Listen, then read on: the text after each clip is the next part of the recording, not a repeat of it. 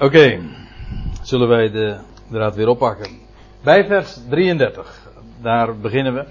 We hadden het dus over die Judas en Silas die daar door veel woord de menigte daar in Antiochië bemoedigd en bevestigde in de boodschap. En dan staat er in vers 33, en toen zij, dus Judas en Silas, eh, een tijd lang daar geweest waren. Leuk, staat hier eigenlijk het woordje chronon, chronon. Je herkent dat wel, maar dat herken je dan nog weer in ons woord chronisch. Vandaar dus inderdaad, als iets chronisch is, dan betekent dat het langdurig is, een tijd lang dus. Toen zij daar een tijd lang geweest waren, werden zij door de broeders, daar in Antiochië dus, met de vredegroet, eigenlijk staat er gewoon letterlijk met vrede, op zijn Hebreeuws, shalom, gezonden, tot degenen die hen hadden afgevaardigd. Heb je weer dat woord afgevaardigd? Ze waren afgevaardigd in Jeruzalem, deze twee mannen. En nu werden ze weer vervolgens, nu ze hun missie hadden voldaan, dat wil zeggen, ze waren met de brief erop uitgestuurd om Paulus en Barnabas te begeleiden daarin en te bevestigen wat er in Jeruzalem besloten was. Nou, nu gingen ze weer terug tot degene die hen ooit eerder hadden afgevaardigd. Apostello, dat woord, dat werkwoord.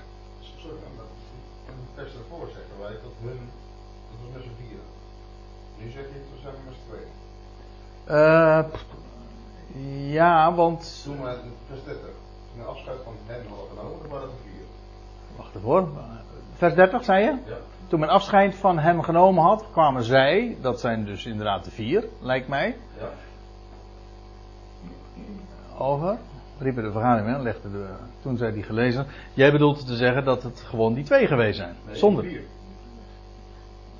En weer opgeschreven. Ja, nou waarom ik het over twee heb, omdat in ieder geval duidelijk blijkt, dat is dat er staat eh, in het volgende vers namelijk, in vers 34, laat ik nou eventjes niet door die dia's scrollen, want dat wordt een beetje verwarrend. Eh, nou, vers 34 moeten we sowieso weglaten, want dat staat niet in de grondtekst. En er staat in vers 35, en Paulus en Barnabas bleven te Antiochië. Aha, dus dus dan heb je het toch over eh, het tweetal. Dus in vers 32 gaat het over Judas en Silas.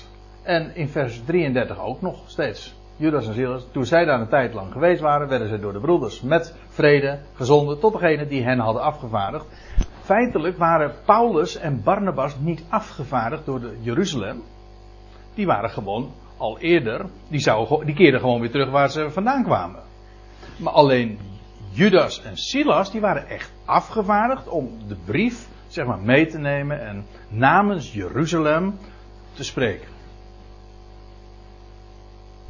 En, ja, en dan staat er in vers 34 in onze vertalingen, maar het staat tussen vierkante haken. Hoe het in de Statenvertaling is, weet ik niet. Nou, haken. dat zie dat goed. Dat goed Ja, nou, je kan die hele zin gewoon doorkrassen. Nou, dat, eh, het staat. Het is namelijk. Dit, dit vers ontbreekt in alle oudere handschriften. In de Alexandrinus, in de Vaticanus, in de Sinaiticus staat het niet. In de, vandaar ook dat het in de, eh, in de MBG-vertaling tussen vierkante haken staat. En meestal is het zo dat als het tussen vierkante haken staat, dan is het. Hè? Nee, maar dat heeft weer een andere reden. Eh, de Statenvertaling is gebaseerd op een oudere grondtekst, de zogenaamde Textus Receptus. En daar komt het eigenlijk vandaan. Ja, hoe. Hier staat vers 33 en vers 35. Ja, en dat is het leuke van de Telos. De Telos-vertaling is, heel, is A, heel concordant. Het is een geweldige vertaling. En het is gebaseerd op de, gewoon de, de huidige inzichten in de handschriften. De Statenvertaling is in eh, heel veel opzichten heel goed als het gaat om de concordante manier van uitleggen. Of van vertalen, sorry. En alleen de, de tekst, de grondtekst waar, waarop het gebaseerd is, die is lang niet zo goed als, de, als de, de, kennis van de grondtekst die we nu hebben. Want inmiddels zijn er, eh, is bijvoorbeeld de Sinaiticus gevonden. En dat is van jongeren, dat, is, dat zijn recente ontdekkingen. Maar daardoor is de kennis van de grondtekst enorm uh, vergroot en verdiept. Zodat de Statenvertaling, de, de grondtekst van de Statenvertaling is gewoon inferieur. Dat is, een, is een hele kwestie hoor, want ik, ik zeg dat nu in een paar woorden en ik geef ook daar tevens mijn mening over in weer. Want er zijn mensen die zeggen van uh, die Textus Receptus, waar de, de grondtekst zeg maar van de Statenvertaling, die, uh, ja, die houden daar heel erg aan vast. In, dat heb je ook in de Engelstalige wereld. Dan heb je de, de King James Only richting beweging. En die zeggen van de King James, dat is zeg maar de Statenvertaling van de Engelsen, dat is heilig ongeveer. Dat is ongeveer, dat is, nog heiliger dan de grondtekst. Maar ook dat is gebaseerd op de Textus Receptus. Nou, ik ga ik denk dat we. Dat ik nou eventjes niet een, eh, een hele verhandeling ga geven over hoe dat zit met die grondtekst. Maar in elk geval, uh, het lijkt mij voldoende in dit geval erop te wijzen dat dit tussen vierkante haken staat en in alle oud, de oudste complete handschriften ontbreekt. En wat, lijkt mij, wat nog belangrijker is, het is in strijd met het voorgaande vers. Want er staat namelijk in het voorgaande vers, toen zij, zij daar geweest waren, een tijd lang, werden zij, zij door de broeders met de vredegroet gezonden tot degene die hen hadden afgevaardigd. Nou, en dan staat er in vers 35, en Paulus en Barnabas bleven te Antiochieën. Maar wie gingen, dan, wie gingen dan weer terug naar degene die hen afgevaardigd hadden? Als Silas daar ook niet bij was. Dan was er dus alleen Judas. Maar waarom, dan, waarom staat er dan dat meervoud zij? Dus dat klopt niet. Dus het zijn gewoon Silas, die, Silas en Judas die weer terugkeren naar Jeruzalem. Naar degene die hen hadden afgevaardigd. En dit kun je gewoon wegkrassen of wegstrepen.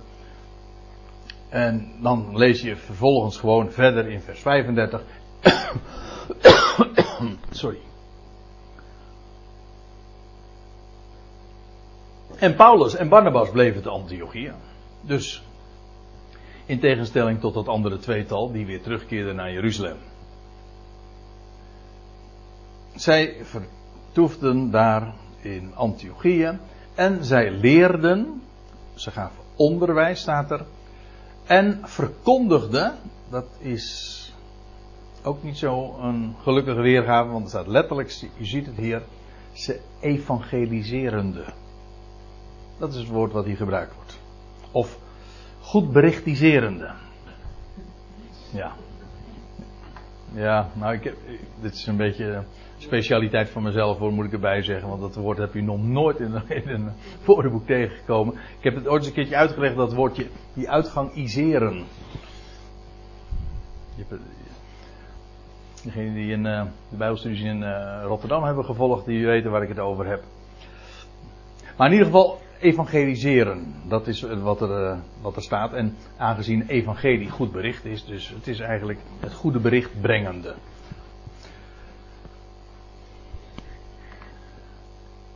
Ze, ze leerden, ze onderwezen, ze evangeliseerden met vele anderen.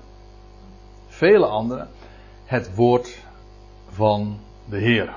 Dat is wat er staat het woord van de Heer. Waarmee dus ook gezegd is dat het woord van de Heer een goed bericht is. Want ze evangeliseerden het woord van de Heer.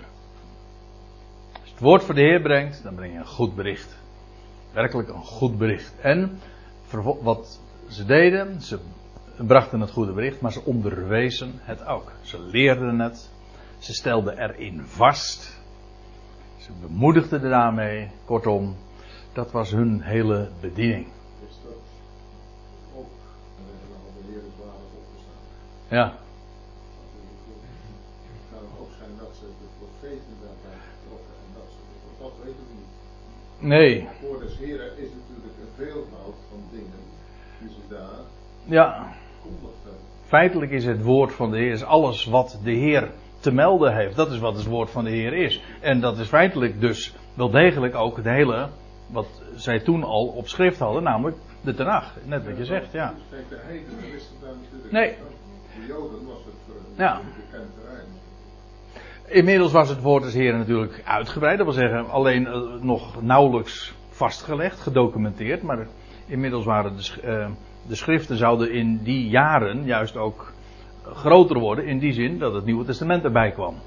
Maar goed, dat was in deze dagen van het boek Handelingen eh, nog niet het, aan de orde.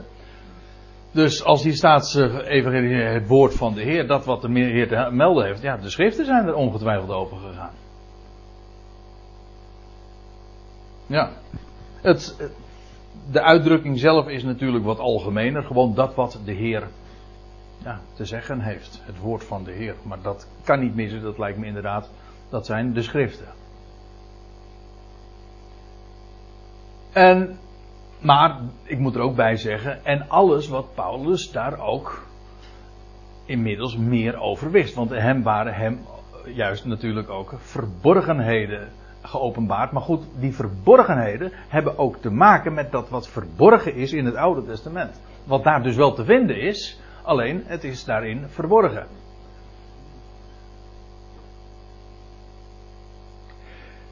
Maar staat er dan in vers 36, na enige dagen zei Paulus tot Barnabas, laten wij toch terugkeren, omkeren. En ja, nou volg ik eventjes de volgorde van de grondtekst. Om te zien. Dat is leuk, want hier staat dan dat wij zouden omzien naar. Maar je voelt eh, het verschil om te zien. Kijk, als je, je kunt zeggen van nou laten we terugkeren om te kijken naar. Gewoon om iets te observeren en vast te stellen van zus of zo. Die indruk wordt hier een beetje gewekt door te, door te vertalen om te zien hoe het hun gaat. Maar het, er wordt hier een werkwoord gebruikt dat betekent omzien naar. Maar als ik zeg omzien naar, daar zit zorg in.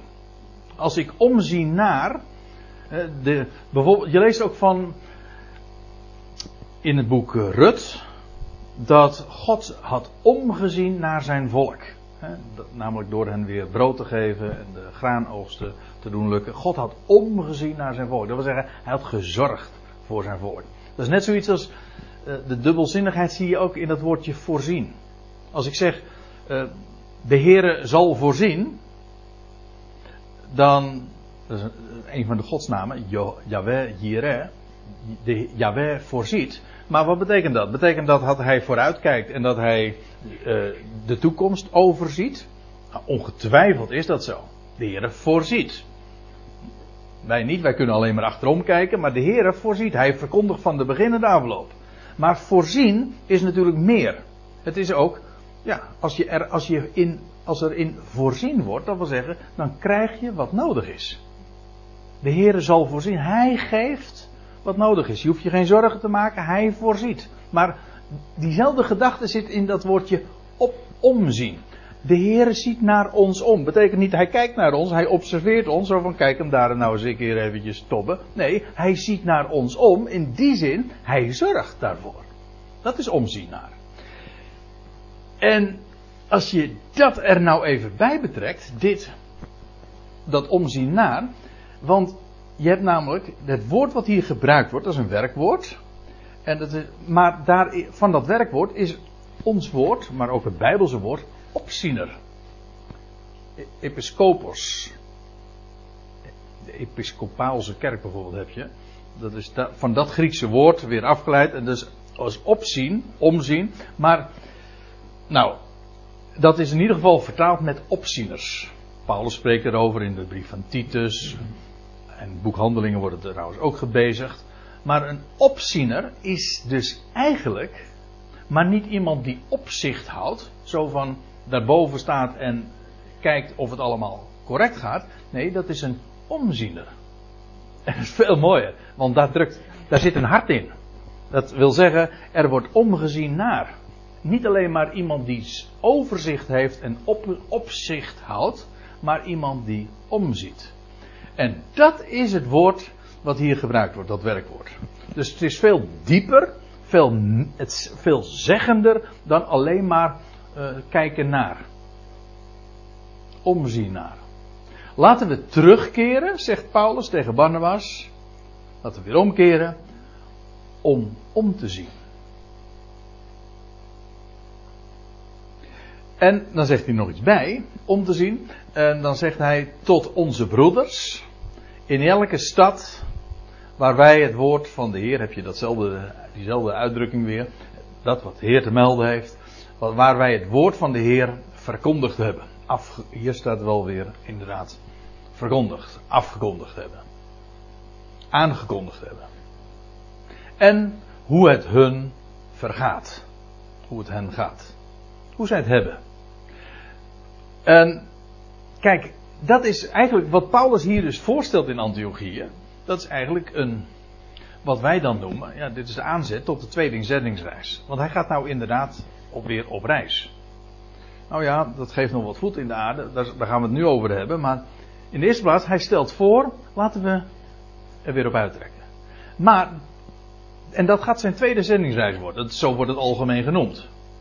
Maar feitelijk was die tweede zendingsreis helemaal niet bedoeld als een reis. Dat, tenminste, dat was Paulus' intentie niet om weer nieuwe gebieden te gaan ontginnen en te bereiken. Maar het was bedoeld om terug te keren, diezelfde route nog weer te gaan volgen. En het was eigenlijk bedoeld als nazorg dus. Ze waren er al geweest en Paulus voelde zich verantwoordelijk voor dat wat er gebeurd was en voor die gemeenten, die ecclesia's die ontstaan waren, om naar hen om te zien. Hij was daarmee begaan en dat wilde hij doen. De, het mooie is dan vervolgens dat als zij inderdaad die reis gaan ondernemen, of als hij die reis gaat ondernemen, want Barnabas gaat niet mee.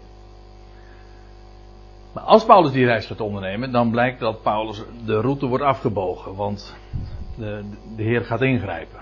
Nou, daar gaan we het de volgende keer over hebben.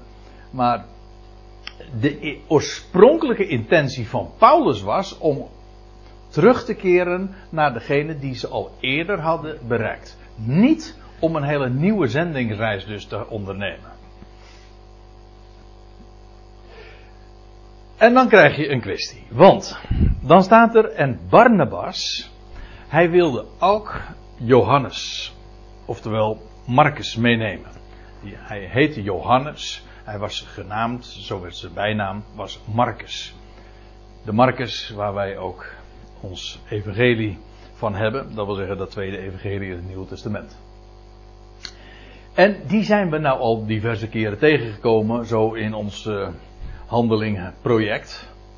Van deze Johannes Marcus weten we dat hij een neef was van Barnabas.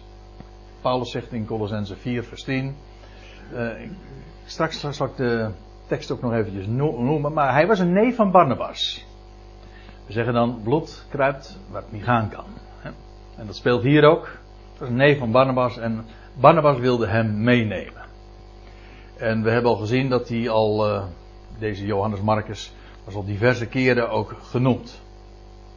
In het boek, in uh, boek Handeling. Ik heb al een aantal keren ook zijn naam vermeld. Hij woonde in Jeruzalem. De naam van zijn moeder wordt ook genoemd, Maria. Dat was ooit een grote meeting, ook bij hen in huis.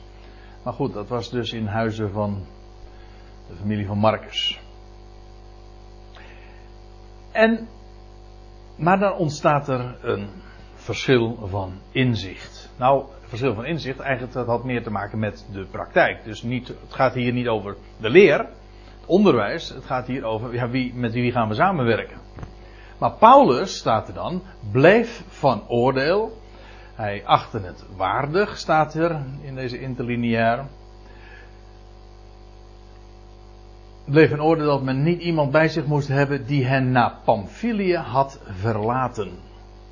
En ik vind dat wel frappant, want Paulus zegt het sterker dan deze wijze van formuleren in de vertaling het suggereert. Er staat hier letterlijk afstand nemen, de apostasia als je Engels kent, dan ken je het woord aposta, aposta, apostasis. Um, en zo wordt het ook in de vertalingen gebruikt. En dat betekent, uh, in, in, de Nederlandse vertalingen wordt het dan weer gegeven met af, afvallig. Afvallig zijn.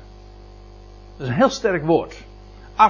letterlijk apostasia. Apo betekent vanaf. En dat stasia heeft te maken met staan. Dus eigenlijk afstand nemen van. Dat is het. Maar het woord wordt ook gebruikt voor. Uh, in Paulus zegt in 1 Timotheus 4. Dat in latere tijden.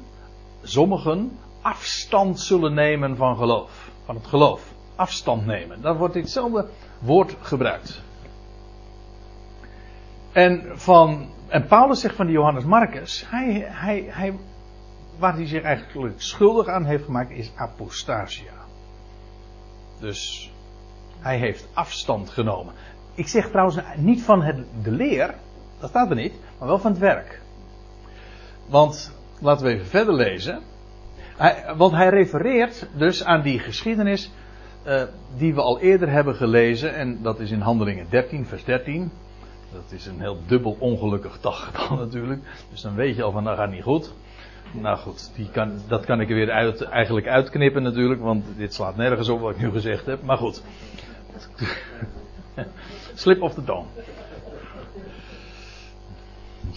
Die andere die zit uh, bijgelovige dingen tijdens de bijbelstudies uh, te vertellen. Ja. Ja, precies. Daarom de overige als, ongeluk gevolgd Ja. En Paulus was de dertiende, dus uh, met dertien is niks mis. Dat is een omwenteling. Nee, dus. Maar goed. Was, het was een grapje, meer niet. Maar in elk geval, uh, die geschiedenis van Johannes Marcus die in Pamphylië afstand hadden genomen. Dat hadden we dus gelezen. En daar staat in Handelingen 13 vers 13 dit. Paulus, we hebben het dus dat veel eerder al hebben we daarover gehad. Paulus en die met hem waren, onder andere Barnabas dus, en Johannes Marcus, die voerden af van Paphos. Paphos ligt hier, aan de zuidkant van, of aan de zuidwestkant van Cyprus. Weet u wel waar die geschiedenis plaatsvond van die uh, Sergius Paulus, die stadhouder? Die, ja. Waar Saulus, hier werd Paul, Saulus Paulus. Dat is Paphos. Nou, uh, Paulus en die met hem waren voeren af van Paphos. En u ziet het helemaal golven hier ook, dus dat is de zee. Hè? En ze kwamen te Perge, en dat is hier, Perga, in Pamphylië. Dat is de streek. Perge is de plaats, Pamphylië is de streek. Maar, staat er, Johannes scheidde zich van hen af en keerde terug, of weder, naar Jeruzalem. Dus hier nam Johannes Marcus, die aanvankelijk was meegegaan met Paulus en Barnabas, hier nam die afstand. Hier in Handelingen 13 wordt verder niet gezegd wat het motief daarvoor was. Maar hier nou uit Handelingen 15 blijkt wel dat Paulus het in elk geval kwalijk heeft genomen. In ieder, geval in die zin dat Paulus heeft gezegd van ja, jij neemt afstand van het werk. En daarmee, voor Paulus was hij gedisqualificeerd om hem verder uh, daarin mee te nemen. Paulus bleef van oordeel dat men niet iemand die bij zich moest hebben die hen na had verlaten of afstand had genomen en zich niet met hen tot het werk, want dat is waar het over gaat, niet gaat hij over niet afstand van de leer, nee, die afstand had genomen van het werk. Zo je ziet het. Het werk, namelijk het werk van de Heer en zich daarin, daarin niet met hen is meegegaan. En voor Paulus was dat uh, reden om die samenwerking niet voort te zetten zeg en, of weer op te pakken. Zo iemand had zich eigenlijk uh, in Paulus' ogen gedisqualificeerd. En lijkt mij ook, als ik dit zo lees, dat het gelijk ook aan Paulus' zijde was. Hij had zich gedisqualificeerd. Wat Barnabas ja, heeft, over, heeft gedacht en wat de overwegingen van hem zijn geweest, ja, daar kan ik slechts naar raden. Dat wordt niet gezegd. Alleen Paulus' motief wordt gezegd waarom die niet verder met hem wilde. Waarom Barnabas wel verder met hem wilde. Lezen we niet. Maar het louter feit dat het een neef was van hem. zou wel eens genoeg kunnen zijn. Ik zei al, bloed kruipt waar het niet gaan kan. En dat, ja, dan ben je soms geneigd om over familie toch wat milder dan te oordelen. het is trouwens opmerkelijk zoals Lucas hierover schrijft. Hij geeft gewoon weer waarom, wa- wat het verschil van mening was tussen Paulus en Barnabas. Maar Paul, Lucas geeft verder geen hint in welke richting hij zelf dacht. Of, hij, hij beschrijft dat was het verschil. En een oordeel wordt er dus niet eh, over gegeven. Maar eh, kijk, het is natuurlijk duidelijk dat als je met iemand wil samenwerken. Ja, dan moet je daar ook in geloven. Zeg van ja, als je met iemand zo intensief gaat optrekken, dan moet je wel weten wat je doet. We zeggen wel eens een keertje, je moet goed weten als je met iemand op vakantie gaat. Nou, dat is maar een paar weken. Maar dat moet je ook niet met iedereen doen. Daarmee geef je geen oordeel als je niet met iemand op vakantie, niet op, met iemand op vakantie gaat, dan is dat nog niet eens het. eh, dan daarmee zeg je niet van eh, die persoon deugt niet, maar je durft het misschien niet aan of zo, of dat de verschillen te groot zijn. Nou, in ieder geval, Paulus vond het niet verstandig om met Johannes Marcus verder te gaan. Dat is, dat is een ding wat zeker is. En zijn motief was, hij had afstand genomen van het werk. Punt. Nou. En er ontstond verbittering. Stond er. Staat er dan tussen hen beiden dus. Of eigenlijk staat er geprikkeldheid. En dat woord geprikkeldheid, wat hier gebruikt wordt, dat is afgeleid van een woord dat scherp betekent. Het werd scherp. Er, s- er, werd iets, er werd hier gesneden eigenlijk. Het, eh, het voelt ook aan als iets, een pijnlijke scheiding hier, wat hier eh, ge- aangebracht wordt. Tussen deze twee eh, medewerkers. Zelfs Paulus en Barnabas, die zo intensief de afgelopen jaren met elkaar waren opgetrokken. Ik wil er ook aan herinneren dat het ooit Barnabas nog was. Weet u het nog? Dat je dat leest in Handelingen 11. Dat Barnabas was weer naar Tarsus gegaan ooit om Paulus weer op te zoeken. Om verder met Paulus te gaan. Dus de man van vertroosting, zoon van de vertroosting, dat is wat zijn naam betekent. Maar goed, hier wordt dat verschil neergezet. Er ontstond geprikkeldheid tussen deze beide broeders, deze zeer intensieve medewerkers van elkaar en medewerkers ook in het werk van de Heer. Zodat zij uiteen gingen. Ze weken uiteen van elkaar. En, moet ik erbij zeggen, eh, godzijdank, maar goed, dat mag je eigenlijk ook aannemen eh, als je staat en wandelt in de genade. De verstandhouding in verband met Johannes Marcus is later, dat weten we, geheel hersteld. Dat is absoluut zeker, want in Colossense 4 vers 10, ik refereerde al even eerder aan deze vers, daar lees je dat Paulus dan zegt, dat is ongeveer in de afsluitende deel van die brief, Aristarchus, mijn medegevangene, laat u groeten, zegt Paulus dan, en Marcus, de neef van Barnabas, over hem hebt ge opdracht gekregen. En dan zegt Paulus tegen de Kolossers: ontvang hem indien hij bij u mocht komen. Hij beveelt hen dus, deze man, dus bij hem aan. Dus het is weer helemaal goed gekomen. Trouwens, dat geldt ook voor die strijd of dat conflict, dat verschil van mening tussen Marcus, uh, tussen Paulus en Barnabas. Er was dat het zo ging. Ja, dat denk ik ook. Want, hè? Nou, ja, nou, je zou kunnen zeggen van het was niet naar Gods wil, maar uiteindelijk wel naar zijn bedoeling. Ik denk ook heel erg sterk in die richting, want wat het, het eind van het liedje is, dat nu eh, het werk verdubbeld wordt. Want nu ging vervolgens Barnabas met zijn neef richting Cyprus. En Paulus ging met Silas, dat zullen we straks nog zien, die ging eh, richting eh, Syrië, Cilicië en nog verder. Dus in plaats van dat er eh, één gebied nu eh, beevangeliseerd zou gaan worden, werden, het nu, werden er nu twee. Dus die strijd tussen hen, het feit dat ze het niet eens konden worden over de medewerkers, eh, is uiteindelijk tot een, zegen geworden. Ja. Dat, en dat, dat is ook weer genade natuurlijk. Hè? Maar het loutere feit dat Paulus ook over die Marcus zo weer oordeelt, het geldt ook wel voor Barnabas, dat, eh, dat is veelzeggend. In 2 Timotheus 4 vers 11, dat is helemaal aan het eind van Paulus' bediening. Want dit is echt zijn geestelijk testament. Dit is een van zijn laatste woorden die hij heeft opgetekend. Dan zegt hij, alleen Lucas is nog bij mij. Lucas, schrijver van het boek Handelingen dus.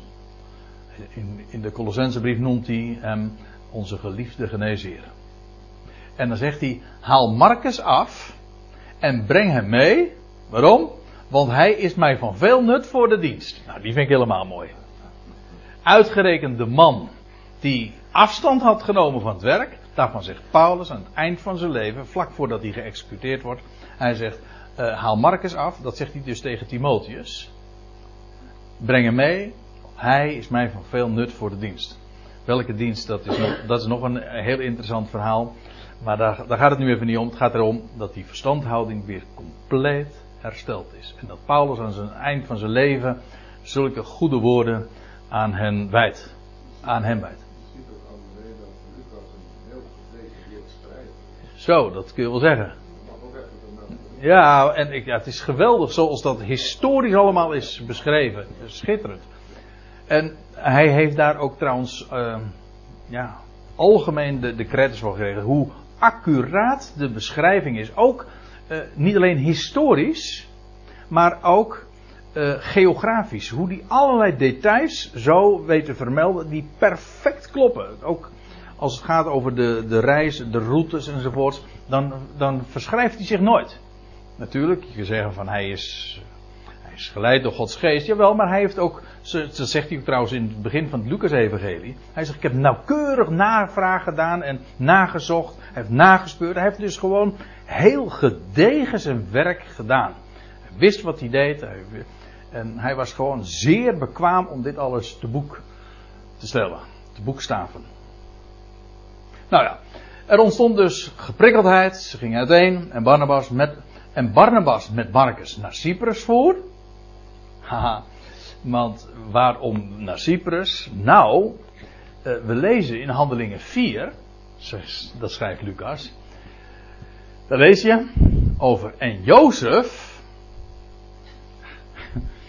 ja, en Jozef, die van de apostelen de bijnaam Barnabas had gekregen. Want wij, heet, wij noemen hem deelt Barnabas, maar hij, hij heette eigenlijk Jozef. Hij had van de apostelen de bijnaam Jozef gekregen. Wat, trouwens betekent zoon der vertroosting. Dat zegt Lucas er ook bij, hè. Dus dat lijkt mij. Waarom zou hij die bijnaam hebben gehad? Kennelijk omdat dat iets zei over, over zijn persoonlijkheid. Die Jozef, die noemen wij zoon van de vertroosting. Barnabas. En dan weten we ook nog, hij was uit stam van Levi. Een leviet. En staat er, uit Cyprus afkomstig. Een Cypriot. Dus Barnabas was ook een buitenlandse, ja, net als Paulus. Paulus was van Tarsus. Barnabas was, woonde in Jeruzalem, of veel eerder trouwens, nou ja, dat weet ik eigenlijk niet. Maar in elk geval, die woonde in Jeruzalem. Maar hij was uit Cyprus van origine afkomstig. En nou, Barnabas die gaat met zijn neef Marcus naar Cyprus. Hij vaart daar naartoe. Dus die delegatie, of die, nou ja, die groep, die werkers gaan daar naartoe. Maar Paulus koos zich Silas. Nou, die naam gaan we in het vervolg weer veel, veel tegenkomen, Silas. En dat wordt vanaf nu, zeg maar, de medewerker van, van Paulus. Maar Paulus koos zich Silas. Die kennelijk dus inmiddels weer teruggekeerd was vanuit Jeruzalem. Want uh, eerst was hij weer teruggegaan naar Jeruzalem en nu is hij weer kennelijk in Antiochië. En Paulus koos zich Silas en hij vertrok. En precies wat uh, zojuist al is overwogen: van ja, waarom is dit nou zo gebeurd? Nou, uiteindelijk was dit winst. Dit was echt winst. Want nou kun je zeggen van uh, de boel is gescheiden. Ja, maar het is ook verdubbeld. Het is nu ze zijn nu in tweeën gegaan, maar daardoor is het werk alleen maar uitgebreid. Scheiding der wegen betekent een verdubbeling van het werk. En Paulus koos zich Silas vertrok door de broeders aan de genade van de Heer opgedragen. Eigenlijk staat er, hij werd overgeleverd aan de genade van de Heer. Nou, dan, ben je, dan zit je goed. Als je overgeleverd bent aan de genade van de mensen, nou dan. Hè? daar moet je het niet van hebben. Maar als je overgeleverd bent aan de genade van de Heer, dan zit je goed. En dat deden deze broeders. En vervolgens wordt eh, nu de lijn van Paulus en Silas eh, gevolgd door Lucas. En Barnabas komt niet meer ter sprake. Gewoon omdat Lucas Paulus volgt. En die lijn dan ook inderdaad weergeeft. En staat er dan, hij ging door Syrië. Hij, dat is dus Paulus met Silas. Hij ging door Syrië en Cilicië. En dat is dus hier. Ze waren hier in Antiochië. Barnabas ging hier naartoe met zijn neef, Barn, met zijn neef Marcus, ja. En Paulus en Silas, die ging richting Syrië. Nou hij, nou, hij ging door Syrië. Nou, hij was al in Syrië. Waar je tegenwoordig niet moet wezen natuurlijk. Hier Aleppo, kent u die naam? Nou. Nou, dat, was het allemaal vlakbij. Ze gingen dus zo, deze route moet dat geweest zijn. De, de Syrian Gates wordt het hier genoemd. En vervolgens naar Cilicië, en dat is deze streek. Cilicië, waar Tarsus de hoofdstad van was. De stad waar Paulus dus vandaan kwam. En hij ging door Syrië en Cilicië. En hij versterkte, hij bevestigde de Ecclesia's. Precies wat eerder ook al ter sprake kwam. Daarin, uiteraard, in het woord van de Heer, in de genade. Nou, dan komen we in Handelingen 16 uit. Maar ik denk dat we er verstandig aan doen om het hierbij te laten. Dan hebben we Handelingen 15 en de bespreking daarvan afgesloten. En dan over, ja, nou ja, wellicht drie weken, dan wel zes weken, dat zien we dan wel gaan wij eh, verder in Handelingen 16, lijkt mij. En dan komen we nog een medewerker van Paulus op het spoor. En dat is Timotheus. En over hem zullen we ook nog veel vernemen. Maar zullen we het hier dan bij laten?